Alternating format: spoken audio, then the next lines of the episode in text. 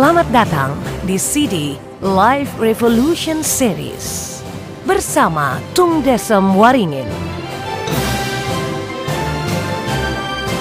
Pelatih sukses nomor satu di Indonesia versi majalah marketing.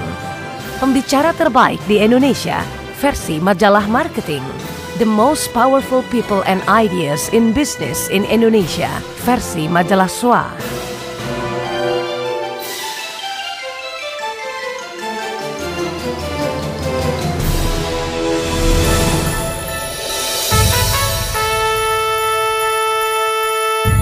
Selamat datang di CD ke-24. Hari ke-24, saya salut terhadap Anda.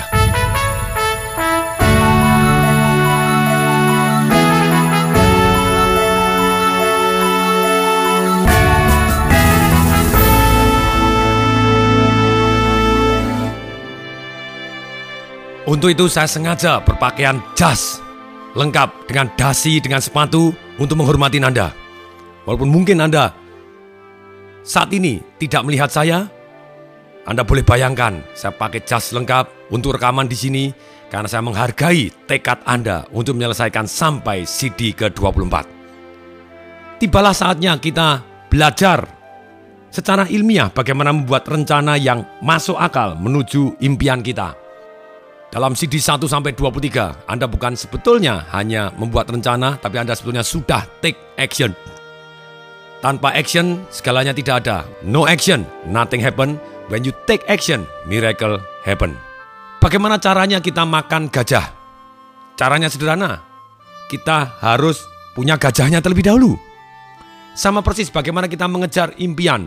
Kita harus punya impiannya terlebih dahulu. Kemudian, Bagaimana cara makan gajah? Gajahnya harus dihentikan dulu, ditembak terlebih dahulu atau dimatikan terlebih dahulu. Sama persis, kita juga punya impian. Apa yang harus kita lakukan? Impiannya harus dipatenkan terlebih dahulu, ditulis terlebih dahulu. Kemudian setelah itu apa yang harus kita lakukan? Gajahnya. Kalau Anda sudah tahu gajahnya berada di mana dan kemudian Anda sudah dapatkan gajahnya dalam arti Anda hentikan ataupun Anda tembak atau Anda apa pun, dimatikan supaya tidak bergerak-gerak, Demikian juga kalau impian kita terus bergerak, kita susah sekali untuk mendapatkan impian kita. Sekarang kita kepengen ini, besok kepengen nana, kepengen ini, ganti terus dan kita akan jadi orang yang bingung. Untuk itu kita harus matikan dulu impian saya. Yes, ini. Ini keputusan saya. Kemudian, gajah caranya bagaimana? Kemudian kita harus potong kecil-kecil. Kemudian kita harus juga punya tempat untuk menyimpan gajahnya sebelum kita makan habis. Persis seperti impian kita. Ketika kita punya impian besar, kita harus taruh impian besar kita dan kemudian kita potong menjadi kecil-kecil, taruh di tempat yang bisa kita lihat, yang aman, membuat impian kita bisa awet. Kalau gajah tadi kita potong kecil-kecil, mendadak bisa busuk juga. Demikian juga impian kita bisa jadi waktu waktu kita potong kecil-kecil, tapi tidak disimpan di tempat yang baik, tidak ditaruh di tempat yang layak, bisa mendadak impian kita jadi layu, tidak termotivasi lagi untuk mengejarnya. Dan kemudian sudah pasti kalau orang ditanya bagaimana makan gajah, pasti satu sendok demi satu sendok tetap dipotong kecil-kecil, dimakan kecil-kecil. Tapi kita butuh rencana yang lebih detail. Sehingga pada waktu kita potong kecil-kecil, kita taruh di tempat yang benar, kemudian kita bisa awasin. Apa impian Anda? Apa goal Anda? Apa misi Anda? Ini tugas. Kita rangkaikan jadi satu, sedemikian sehingga bisa kita tempel dan kita lihat.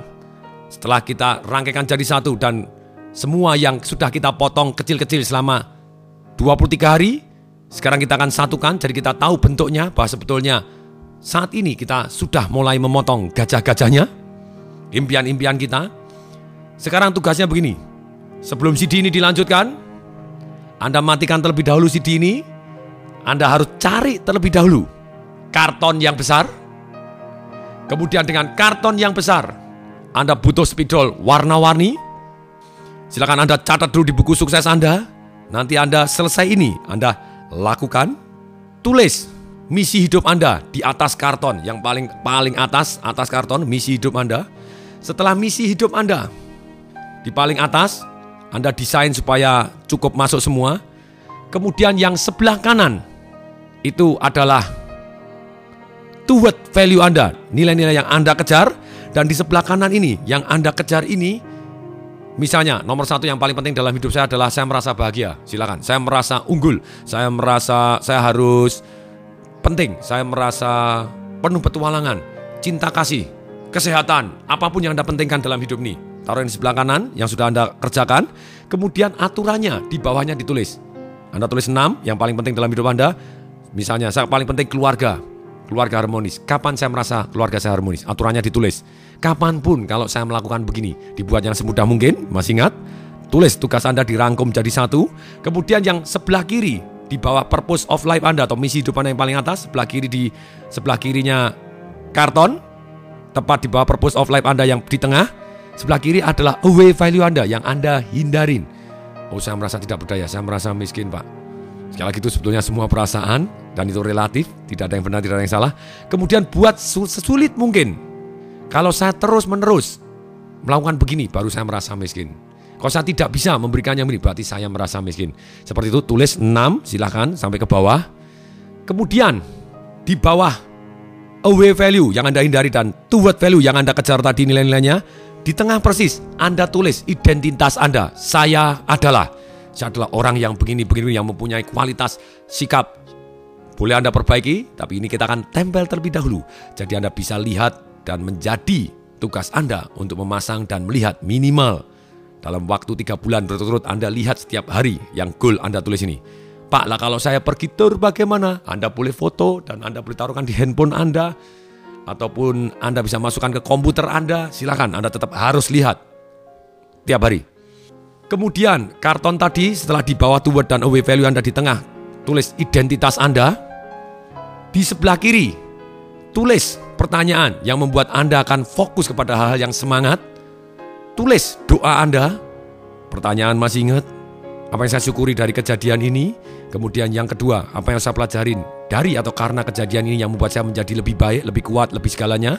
Kemudian yang ketiga, lalu apa yang harus saya lakukan yang membuat saya merasa lebih baik, menjadi lebih baik, orang banyak jadi lebih baik dan direstui Tuhan. Selesai Anda tulis itu, Anda tulis doa Anda setiap harinya apa? Mungkin bisa jadi hampir sama dengan purpose of life ataupun identitas Anda baik-baik saja. Kemudian tulis 12 perbuatan luhur Anda di karton itu di bawah sebelah kiri, bagian sebelah kiri dari identitas Anda, 12 perbuatan luhur yang ingin Anda lakukan setiap hari. Kemudian yang sebelah kanan Anda tulis minimal 4 goal. Silakan kalau masing-masing mau satu goal dari 6 wilayah kehidupan Anda boleh. Anda boleh ambil satu goal satu tahunan Anda yang di bawahnya sudah ditulis alasannya. Misalnya, saya goal untuk keluarga harmoni saya. Saya, ini goal, beda dengan mission, kembali lagi goal harus spesifik. Saya dengan senang hati, dengan gembira, sebutkan nama Anda, saya Tung Desembaringin, saya siapa, dengan senang hati, dengan gembira. Sudah mencapai, misalnya penghasilan Anda, sekian atau lebih, pada tanggal sekian atau lebih cepat. Kenapa? Perlu sekali. Alasannya, satu demi orang tua yang saya cintai, demi anak-anak yang saya cintai, apa pun yang Anda merasa sangat punya alasan sangat kuat, silahkan tulis. Itu. Kemudian Anda harus tempel. Boleh pakai spidol warna-warni buat yang indah. Jadi inilah yang menjadi momen baru dalam hidup Anda. Saya juga melakukan hal yang sama. Saya tempel bukan hanya tiga bulan, setahun bahkan. Dan itu mengingatkan saya kepada nilai-nilai yang saya punyai, bukan saya kepada siapa saya, identitas saya, apa purpose of life saya, doa saya seperti apa, seni bertanya seperti apa, dan goal saya seperti apa. Ini tugasnya, begitu Anda selesai ini, ini adalah tugas. Kemudian, berikutnya, tulis di buku sukses Anda, Anda ingin melakukan perbuatan baik apa? Setelah selesai ini, silakan. Anda mau amal, Anda mau memuji orang, Anda mau melakukan apa? Lakukan perbuatan suatu hal yang baik yang menyenangkan hati orang lain tanpa mereka duga. Karena dengan kita banyak amal, sebetulnya rezeki mengalir kepada kita jauh lebih banyak. Itu tugas keduanya. Kemudian tugas ketiga, yaitu Anda luar biasa, Anda sekarang juga tepuk bahu Anda sendiri, katakan, terima kasih teman, Anda hebat. Silakan sekarang juga tepuk, tepuk bahu Anda, katakan, terima kasih teman, Anda hebat. Dan tugas ketiga ini yaitu Anda lakukan suatu hal yang membuat Anda menjadi senang, apa pun dalam arti yang positif. Entah mungkin habis ini Anda mentraktir diri Anda, makan tapi secukupnya, atau mungkin beli baju satu yang indah untuk hadiah Anda, atau Anda belikan Anda minyak wangi yang Anda selama ini impikan. Sekali lagi yang dalam jangkauan Anda karena Anda sudah berhasil melewati 24 CD ini dengan luar biasa dahsyat, komitmen yang sangat-sangat saya akui. Salut. Anda adalah mungkin 0,3 persen orang dari dunia yang mampu menyelesaikan dan pasti dengan menyelesaikan ini, saya yakin Anda pasti lebih baik. Dan tentu saja menyelesaikan CD ini bukan hanya sekarang sekali, Anda boleh ulangi, ulangi, ulangi. Bahkan saya setel CD-nya Anthony Robin pun, satu seri bisa sampai 10 kali, ada yang sampai 56 kali. Jangan tanya, saya terus ulangi-ulangi yang saya anggap positif, kenapa tidak? Anytime, Bapak Ibu kepengen mengulangi, silahkan ulangi. Boleh diulangi satu seri lengkap atau fokus kepada empat dulu, fokus pada tiga dulu, komitmen tiga lagi. Atau yes saya cuma satu persatu kok, saya mau ingat yang bagian-bagian ini. Boleh silahkan Anda ulangi. Tapi yang jelas tugas ketiga ini, karena Anda sudah dahsyat menyelesaikan 24 CD ini, belikan something yang membuat Anda merasa nikmat. Atau mungkin Anda spa, atau mungkin luluran, mungkin ke salon, mungkin manjakan diri Anda. Takes time, ambil waktu, renungin, hargain diri Anda, anda sudah melakukan suatu hal yang sangat dahsyat. Ini PR-nya. Dan kemudian secara sistematis silakan dijawab pertanyaan-pertanyaan ini. Sehingga rencana kita jauh lebih masuk akal menuju ke arah yang kita impikan. Silakan keluarkan buku sukses Anda, tolong dijawab pertanyaan-pertanyaan saya ini sekarang juga. Satu, siapa orang yang sudah sukses di bidang yang Anda ingin kerjakan? Silakan dijawab. Saya pengen jadi developer pak, siapa developer yang sukses? Saya pengen jadi pembicara pak, siapa pembicara yang sudah sukses? Saya kepengen ahli neurolinguistic programming pak, siapa yang sudah sukses di bidang ini? Saya pengen ahli hipnotis pak, siapa yang sudah sukses? Silahkan. Sekali lagi ilmu adalah banyak sekali. Jadilah master di dalam hidup ini dan terus konsep master adalah terus meningkatkan diri dan belajar terus. Dan untuk itu Misalnya Anda kepengen, ya saya pengen punya galangan kapal, saya pengen punya restoran. Siapa orang yang sudah sukses di bidang yang Anda ingin kerjakan? Tolong dijawab pertanyaan nomor satu. Kemudian tulis kapan akan saya hubungin untuk minta belajar. Dengan cara tentu menguntungkan yang bersangkutan terlebih dahulu. Kalau enggak tidak relevan kenapa orang tadi mau membantu Anda. Kapan akan saya hubungin? Silakan. Untuk minta belajar. Dulu ketika saya menjawab pertanyaan ini, waktu saya tulis, siapa orang yang sudah sukses di bidang yang saya ingin kerjakan dan membuat saya menuju ke arah yang saya impikan. Anthony Robin, Ki, Kapan saya akan hubungi untuk minta belajar? Sekarang juga saya daftar semua seminarnya dia. Pasti menguntungkan untuk dia karena saya ikut seminarnya dia dan supaya dia bisa mengajar saya jauh lebih private apa yang harus saya lakukan. Saya bawa begitu banyaknya orang, saya kenalkan kepada begitu banyaknya orang bahwa teknologinya bermanfaat sedemikian sehingga dia sangat senang karena saya bawa lebih dari 2000 orang untuk datang di seminarnya dia selama 4 tahun. Sekarang yang kedua, sumber daya apa yang kita perlukan untuk mencapai apa yang kita inginkan? Tolong ditulis. Oh saya butuh uang pak sekian. Saya butuh apa pun silakan. Saya butuh alat ini pak. Saya butuh ini. Saya butuh ini silakan. Sumber daya apa yang kita perlukan untuk mencapai yang kita inginkan? Silakan ditulis. Oke, sekarang nomor tiga. Apa yang mau kita berikan untuk mencapai apa yang kita inginkan? Anda memberikan apa? Sebagai timbal baliknya. Untuk mencapai yang Anda inginkan. Silakan ditulis. Waktu Anda, energi Anda, uang Anda, komitmen Anda, janji tertulis Anda, janji notarial Anda. Yang keempat, siapa yang bisa membantu kita? Kita tidak perlu harus pakai tenaga kita sendiri, tidak perlu pakai uang kita sendiri. Kalau kita punya, kenapa tidak? Tapi tidak perlu juga kita pakai keahlian kita sendiri. Kalau bisa, kenapa tidak? Tapi kita bisa minta bantuan dari orang-orang yang sudah ahli di bidang yang kita bukan ahlinya. Jadi yang keempat, siapa yang bisa membantu kita? Silahkan ditulis supaya rencana Anda jauh lebih masuk akal. Sekali lagi, goal boleh tidak masuk akal, tapi kalau rencananya masuk akal, mendadak goalnya jadi masuk akal. Pada waktu saya tidak pernah jadi pembicara di tahun 2001, kemudian saya mencanangkan di bulan Agustus, Tong Desember ingin menjadi pembicara yang terbaik di Indonesia dengan memberikan ilmu-ilmu yang paling dahsyat, yang paling street smart, yang paling bermanfaat. Goal tersebut sebetulnya tidak masuk akal karena saya belum pernah jadi pembicara. Tapi ketika rencananya saya belajar terlebih dahulu dari Anthony Robin, pembicara terbaik di dunia, pelatih sukses nomor satu di dunia, mendadak goal saya jadi masuk akal. Kemudian saya potong kecil-kecil. Kalau begitu saya butuh bantuan apa? Saya butuh biaya berapa? Apa yang mau saya berikan untuk mendapatkan ini? Caranya bagaimana? Daftar terlebih dahulu. Ngikutnya kapan? Dan setelah itu terjadi, ketika saya pulang di Indonesia, mendadak majalah marketing menulis saya sebagai pembicara terbaik di Indonesia, pelatih sukses nomor satu di Indonesia. Wajar saja karena rencananya masuk akal dan saya jalanin rencananya. Kemudian setelah Anda tulis siapa yang bisa membantu kita untuk mencapai goalnya, kapan akan Anda hubungi? Waktu itu saya menulis siapa sih yang bisa membantu saya termasuk cara permodalan. Oh, saya punya teman yang punya leasing company yang luar biasa besar. 700 cabang. Kenapa tidak? Saya minta bantu. Kapan akan saya hubungi? Sekarang juga. Ya sudah, langsung saya hubungi. Saya minta bantuan, saya minta ketemu dan saya memberikan benefit kepada yang bersangkutan. Ini training yang luar biasa. Ketika saya belajar, saya bisa memberikan training kepada perusahaan beliaunya gratis. Akhirnya beliaunya Terus kemudian saya bilang, bahwa ini tidak ada orang yang mau ikut. Hanya saya yang di Indonesia baru mau ikut. Karena bayarannya mahal. Dia dengan santai ngomong, saya bantu. Wow, itu satu pengalaman nyata yang luar biasa baru effort pertama mendadak dapat bantuan. Kemudian sebagai gantinya saya berikan training kepada perusahaan beliau ini sudah lebih dari 25 kali secara gratis. That is, that is. Kemudian, ini kapan Anda hubungi? Tulis.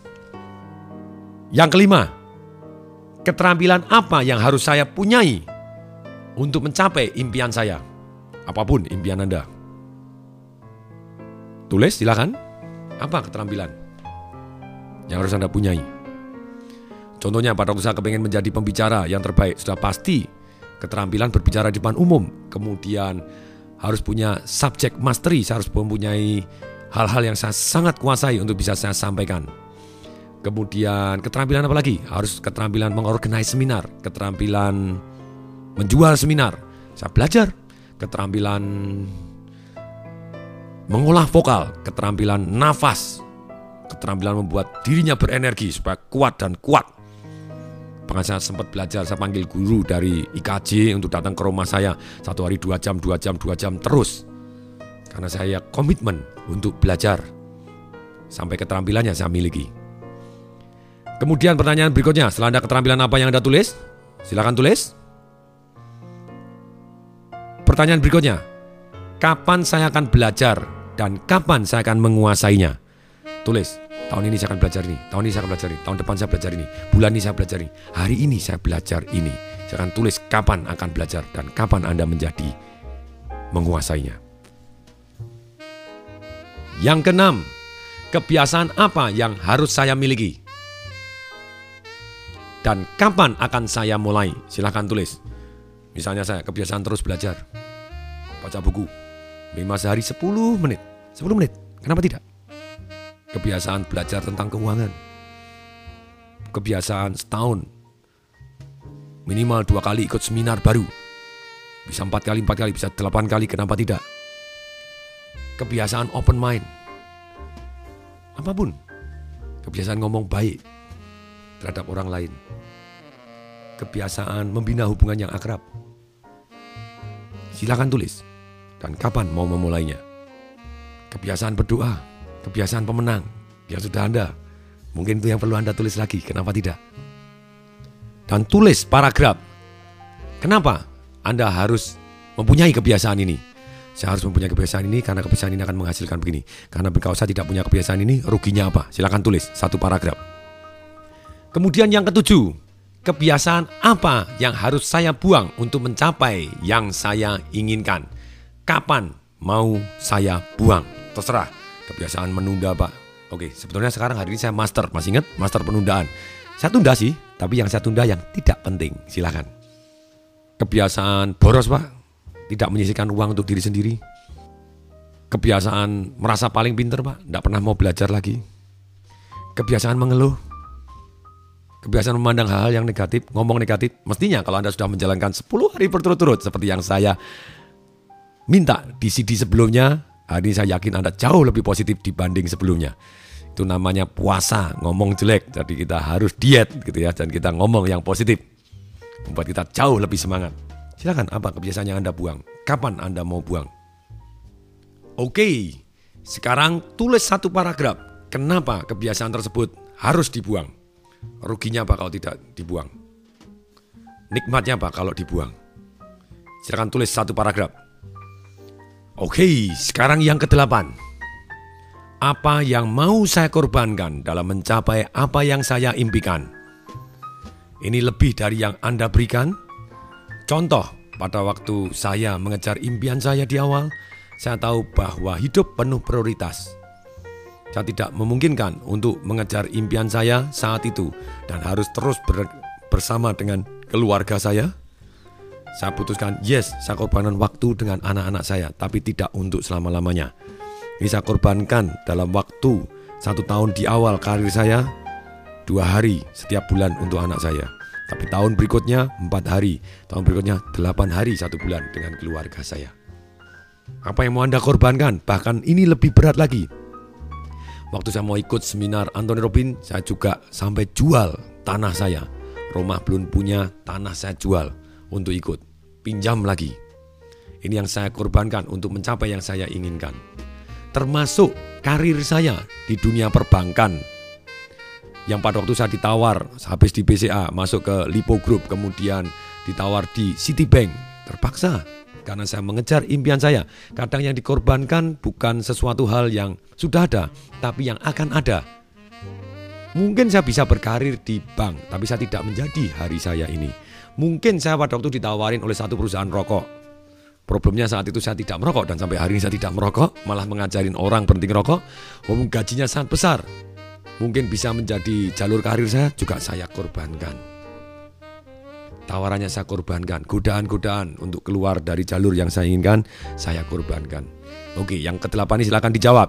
Kira-kira apa yang mau saya korbankan dalam mencapai yang saya impikan? Sekali lagi, tentu saja tidak untuk selama-lamanya, kita bisa berubah di waktu di mana kita mulai mencapai impian kita. Silakan tulis, go.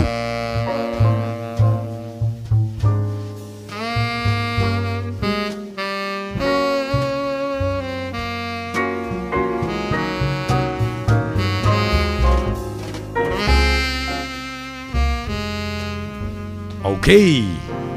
sekarang yang kesembilan yang sudah Anda kerjakan di CD yang membahas tentang keuangan.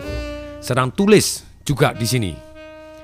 Berapa persen penghasilan dari saya yang saya janji akan saya masukkan ke investasi yang aman dan tidak akan saya ambil selamanya. Sedemikian sehingga investasi yang aman ini bisa menghasilkan yang cukup untuk membiayai financial dream saya. Silahkan 10%, 20%, Pak penghasilan saya kecil. Kalau semakin kecil mestinya persentasenya semakin besar. Kalau enggak Anda tidak kaya-kaya. Silakan tulis. Go.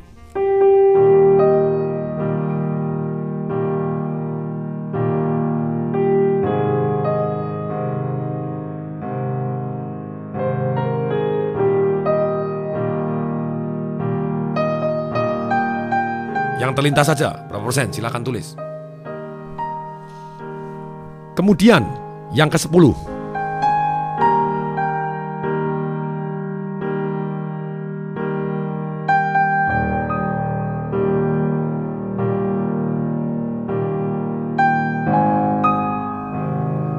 Tulis hadiah apa yang akan Anda anugerahkan ketika Anda mencapai yang Anda impikan, apa pun. Satu hadiah yang tidak membuat Anda jadi negatif, satu hadiah yang membuat Anda jadi lebih positif dan lebih baik adanya. Silakan, apa pun, tulis satu hadiah. Yes, kalau saya mencapai yang saya inginkan ini, saya tambahin saya hadiah seperti ini. Saya akan traktir diri saya keliling Eropa, boleh aja. Tapi yang jelas pada waktu Anda mengejar impian ini, Anda harus menikmatin karena ini sesuai dengan misi Anda. Jadi hidup Anda bukan terpancing, ya kalau saya sukses baru nikmat. No, belum sukses pun juga nikmat karena sudah belajar prosesnya. Dan karena Anda mengejar impian Anda, misi Anda bangun tidur pun sudah nikmat. Tapi ketika mendapat hasil, nikmat sekali. Ini asosiasi yang sempurna dan inilah hadiah yang untuk Anda. Ketika Anda mencapai ini, Anda sisihkan dari sebagian income Anda untuk beli apa, untuk apa, silahkan karena Anda sudah komitmen untuk belajar juga, jadi Anda yang nomor lima tadi keterampilan apa yang harus saya punyai, ilmu apa yang harus saya punyai, Anda sudah komitmen untuk belajar, berarti Anda sudah mengalokasikan uang untuk belajar. Seperti yang dikatakan Benjamin Franklin, satu rupiah masuk di kepala saya akan atau satu sen masuk di kepala saya akan kembali ribuan kali atau jutaan kali di kantong saya. Anda sudah melakukan investasi untuk leher ke atas dan Anda terus janji untuk terus belajar itu sudah Anda lakukan, Anda harus sisihkan juga untuk sebagian untuk terus belajar. Hanya yang 10 ini Anda juga harus janji untuk menikmati hidup. Baik dalam pada waktu mengejar prosesnya, juga ketika mencapai. Ketika Anda mencapai yang Anda impikan, bagaimana Anda tahu bahwa goal Anda tercapai? Anda tulis, saya tahu kalau goal saya tercapai ketika begini-begini. Saya lagi ini goal. Kemudian, oke okay, saat itu saya akan berikan saya hadiah seperti ini. Jadi Anda akan jauh lebih termotivasi dan Anda berhak menikmati karunia Tuhan.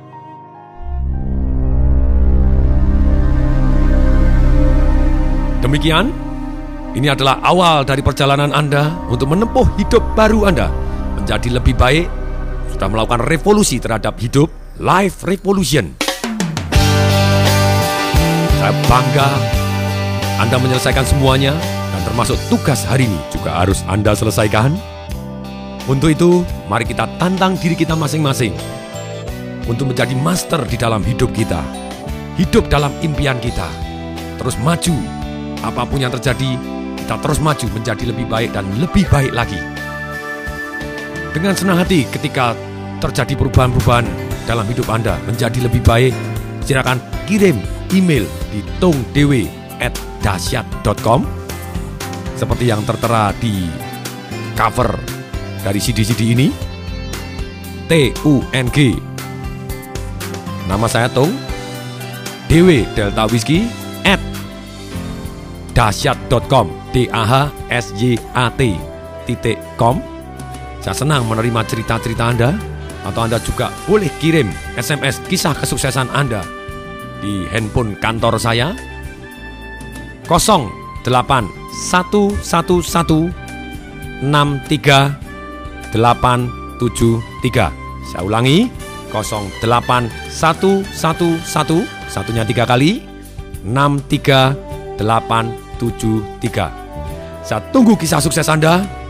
Sebagai catatan, yang terakhir, bila Anda ingin ikut seminar-seminar saya, Master Breakthrough, Sales and Marketing Revolution, Business Revolution, ataupun Life Revolution itu sendiri, Financial Revolution, dan atau Anda ingin mengundang saya sebagai pembicara di seminar-seminar perusahaan Anda untuk membangkitkan motivasi atau memberikan cara-cara yang terbaik untuk merubah perusahaan Anda mengalami kemajuan yang dahsyat, anda boleh cek di website saya www.dahsyat.com atau boleh juga panggil melalui telepon 021 547 6677.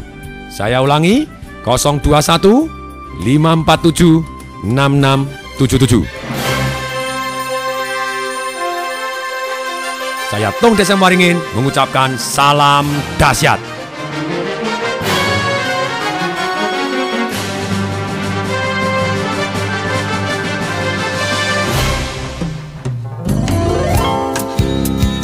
Informasi seminar atau pelatihan untuk meningkatkan motivasi, sales dan marketing perusahaan, Anda bisa menghubungi nomor telepon 021 547 6677.